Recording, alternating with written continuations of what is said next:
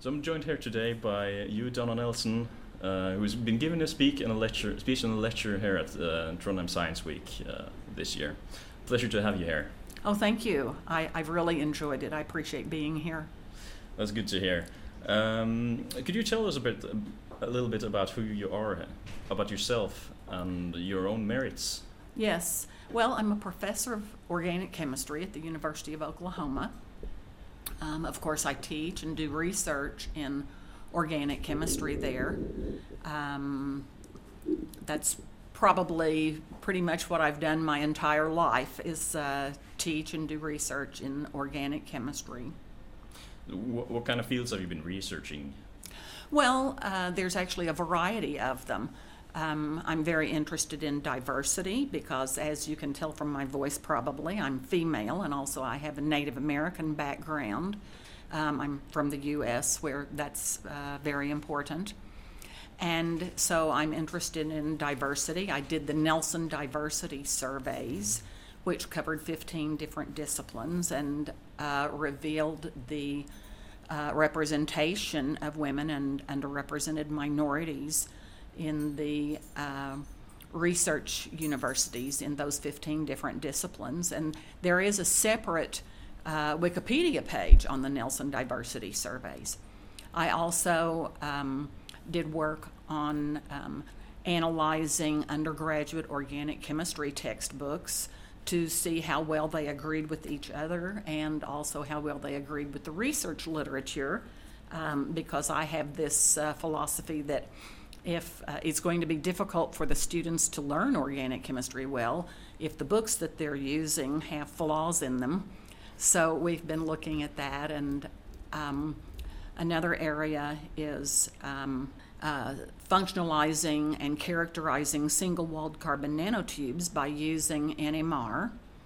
And then uh, we're also very interested in taking science to the public because we want to involve not just the public but also the next generation of students in science. And that was the topic that I spoke about here at Trondheim, Trondheim Science Week.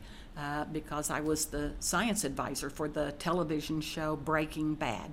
That, was a, quite a big leap from university professor and, and researching to being an advisor on a TV show from the big, great Hollywood. I mean, Yes. How, how, did you come to get that kind of job? Yes. Well, uh, it wasn't really a job. I was a volunteer. Okay.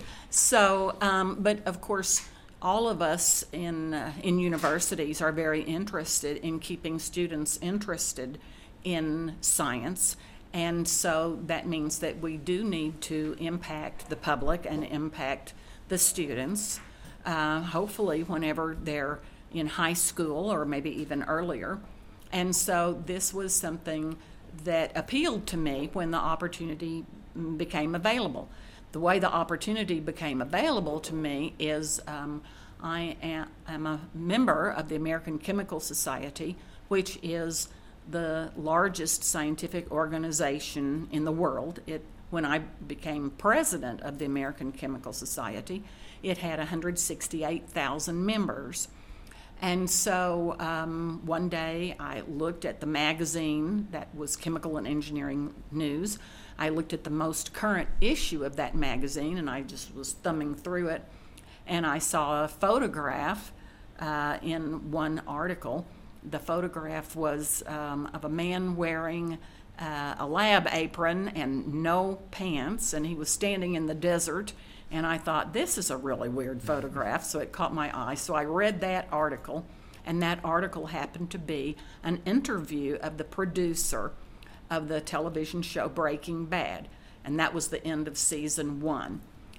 So, uh, for the show. And so, to make a long story short, um, I researched the show a little bit. I watched the first five episodes. That was all that existed at that time. And after determining that the show didn't glorify uh, the illegal meth or the um, drug culture, I decided to uh, volunteer because they were requesting help from scientists um, with the show because they did not have any funds to pay a science advisor. Yeah, uh, and, and the need for a science advisor were, were really big in the show. Yes, because uh, it, it was necessary because um, they show a lot of the actual science involved in synthesizing uh, illegal meth. Uh, the show um, is about this uh, high school organic chemistry teacher who is a really fabulous chemist, but he and his family don't have a lot of money because he's always been an organic chemistry high school teacher. And he finds out that uh, he's going to die soon, and he has a son already, and his wife is pregnant with their second child. And so he's worried about when he dies, how is his family going to make it financially? So, uh, genius that he is, he decides that he's going to synthesize and sell illegal methamphetamine in order to make money for his family. Is that a, is that the American dream or? Oh, I don't know. It, it would. It's more like the American nightmare, I yeah, think. Uh, I'd agree with that. So coming to the science used in the show, we're excluding season one now because that's uh, before you became the science. Right, Yeah. right. I wasn't even aware of the show Yeah. during its first season. So when we're talking about the uh, science, then uh, after season one, uh, how accurate can you say that the science is? This is, of course, the writers are uh, Hollywood people. They are creators. They're creative people. Yeah, they're excellent writers. They were excellent writers. I mean, the show uh, was like the most uh, popular television series, primetime television series ever. It, it made the Guinness Book of World Records for Wow. that. And so um, you don't achieve something like that unless you're an excellent writer. So they obviously had fabulous writers on the show. Um, but they weren't scientists, and they uh, Vince was yeah, and is sort of a science groupie. It turns out he had always loved science, and um, it became his passion to uh, try to get the science right because he knew that the science in a lot of the shows was just inaccurate. And of course, for us scientists, um, that's sort of like fingernails on the blackboard. You know, it drives us crazy when the science is totally wrong and when they uh, start mislabeling us scientists as, oh, they're all nerds or they're all geeks or, you know, they don't know anything about uh, social interactions in culture. And so, um, this was one of the things that attracted me to that. I thought, well, um, I'll, you know, if I volunteer for this, I would be able to uh, interact with them and they would get to see what a real scientist is like. And they were telling me, you know, that they didn't know any scientists and they did keep asking me the question, well, you're not a scientist. And I kept saying, yes, I am. and uh, finally I said, I'm a tenured professor of organic chemistry. I assure you, I am a scientist. And so, uh, yes, I, uh, I, I read where Vince said that I was a great deal of help to the show, and um, and I certainly did critique some of their um, script pages and uh, you know tell how to pronounce certain things and what could be drawn on the blackboard and i gave them ideas for the plot you know. Whatever they wanted i tried to help them That also answered the kind of the question about your, your role as a science advisor on the show as well. So we could go on to the um, a bit to the accuracy of the science. Like example, the blue meth. Yeah, right. I remember being on the set uh, one time, and Vince came up to me and said, "What do you think about making the meth blue?" And and I said, "I wouldn't do it."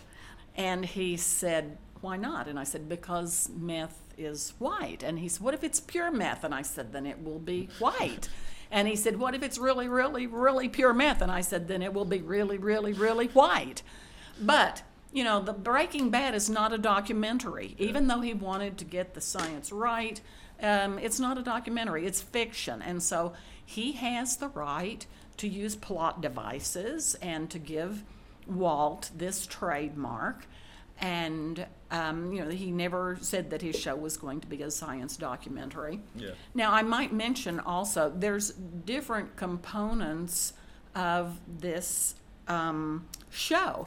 So, like I said, it shows the synthesis of um, illicit meth. Now, I have to tell you, even though I'm an organic chemistry professor, I've never synthesized meth, and certainly not illegal meth. I don't have a meth lab in my garage, put it that way. So uh, Vince had reached out to DEA agents, Drug Enforcement Agency people in the U.S., to um, help him know what those illicit meth labs would look like because I don't have any idea. I've never seen one. But they did. The DEA agents Yeah. do know what they look like. And so they helped him with that. But I helped with, uh, you know, pronunciation, the script pages, you know, some of the writing, the um, what goes on the blackboard, you know. so uh, they had help. The the show and the writers had help uh, uh, from the DEA agents also. Yeah. Another classic example is the um, um, I'm not, not sure what he's throwing, but the one thing that's exploding really big. big.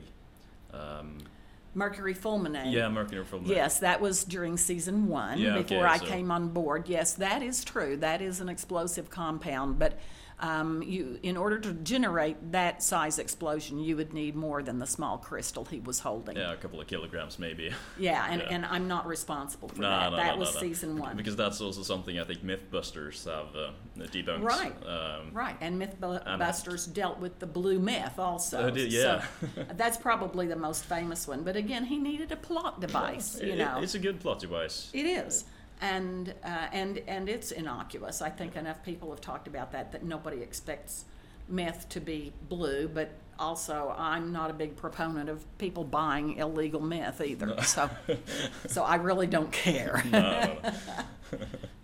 there are some dangers to doing stuff like chemistry and stuff. You don't want certain reactions when you you're working on your labs and you're working, at, especially for chemistry at schools and stuff like that. I guess most uh, courses have safe uh, procedures, but how small are the margins in some experiments to for it, it to go wrong?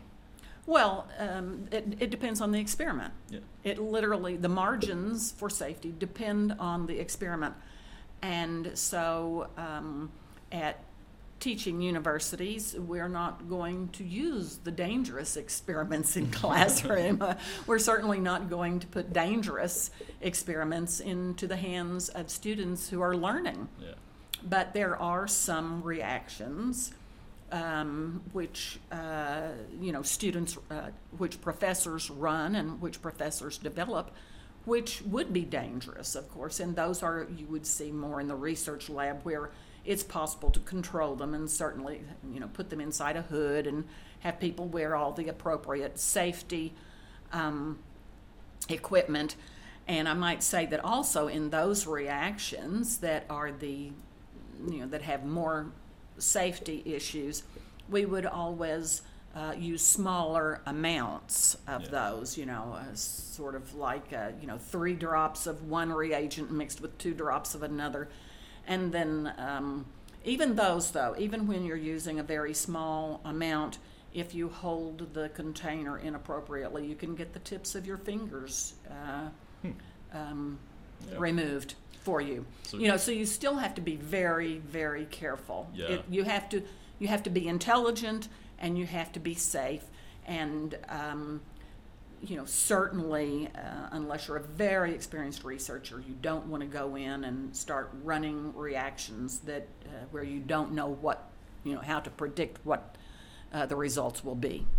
because that that could be a uh, like a spark for many people seeing uh, YouTube um, um, experiments like uh, simple things playing with the Leidenfrost effects while pouring liquid nitrogen. It's a gloves. mistake. Yeah. It is a mistake. Yeah, I, I just I can't tell you how much I would not do that. There are all sorts of reports of even uh, professors who have run a certain reaction in a demonstration, um, you know, 500 times, and then there's that one last time where they just do something differently, and it turns out to be a fire, and a bunch of students are damaged. Yeah.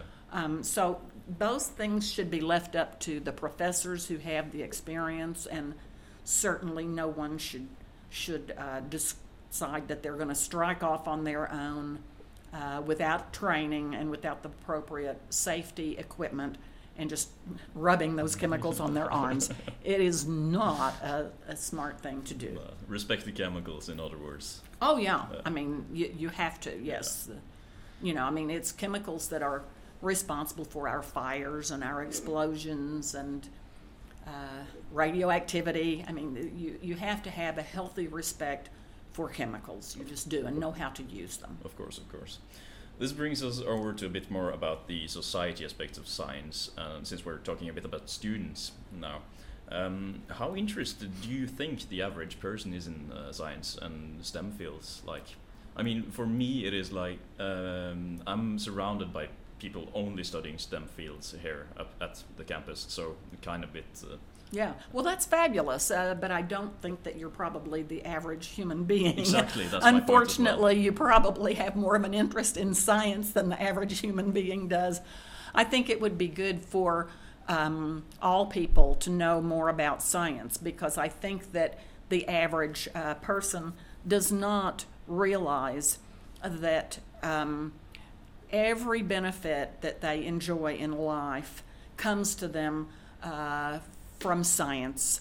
Um, everything that we wear, um, the cars we drive, the computers we use, the food we eat, our own bodies, uh, even the air we breathe, all contain chemicals. Everything contains chemicals except for a vacuum. And so, if those people understood more about um, the benefits that uh, science bring us, then they might take a greater interest in science. And uh, and and the other thing is, which um, I get a lot of cheers from scientists when I say this, and that is that the general public should appreciate scientists as well because we're the ones that are developing those fabulous luxuries that they have, like the you know the hair grooming um, materials and the perfume and and uh, all sorts of things that we use every day. Toothpaste, everything you're using is a chemical or more chemicals. Exactly. Um, do you have any suggestions mm, on how to get more younger people, especially into uh, these kinds of field? Not just people that are or considering their college education, but also like in primary school and uh, that kind of level. Yeah, well, um, I just I don't think you can start too young, really. Um, you know, uh, your show is a perfect example of uh, doing this, and I, I, applaud you for that. That's fabulous. But um, you know, for parents who are wanting their uh, children to learn about science, just you know, th- it's possible to do this. Just uh, you know, a walk in the park. I mean, take take your child over and uh, you know, let them see all the different leaves and point out the differences in the leaves and the differences in the grasses and the differences in the rocks. And so it doesn't have to be something expensive or exotic, just, um, you know, discussing these things. And another thing that I think helps, which it, it, it may sound trivial, but buy your child a magnifying glass and let them look at these things under a magnifying glass so they'll get a different perspective. And um, those can instill in child in a child, you know, a very healthy um, inquisitiveness, you know, and an appreciation for exploring their world around them. Mm. That's a really good answer. I think I got one more last question, and that would be if you have anything you would like to add to round off this interview. Well, um, the main thing that I talk about is how you know I think it would be really better if uh, if the general public appreciated science and scientists more and also participated more and and uh, you know one way is to listen to shows like yours and also to attend lectures um, in person when they're available in their communities. That's a really good round off, I would say. I would like to thank you for taking uh, your time to join me here for this interview. Oh, it's my pleasure. Thank you so much. I really appreciate it.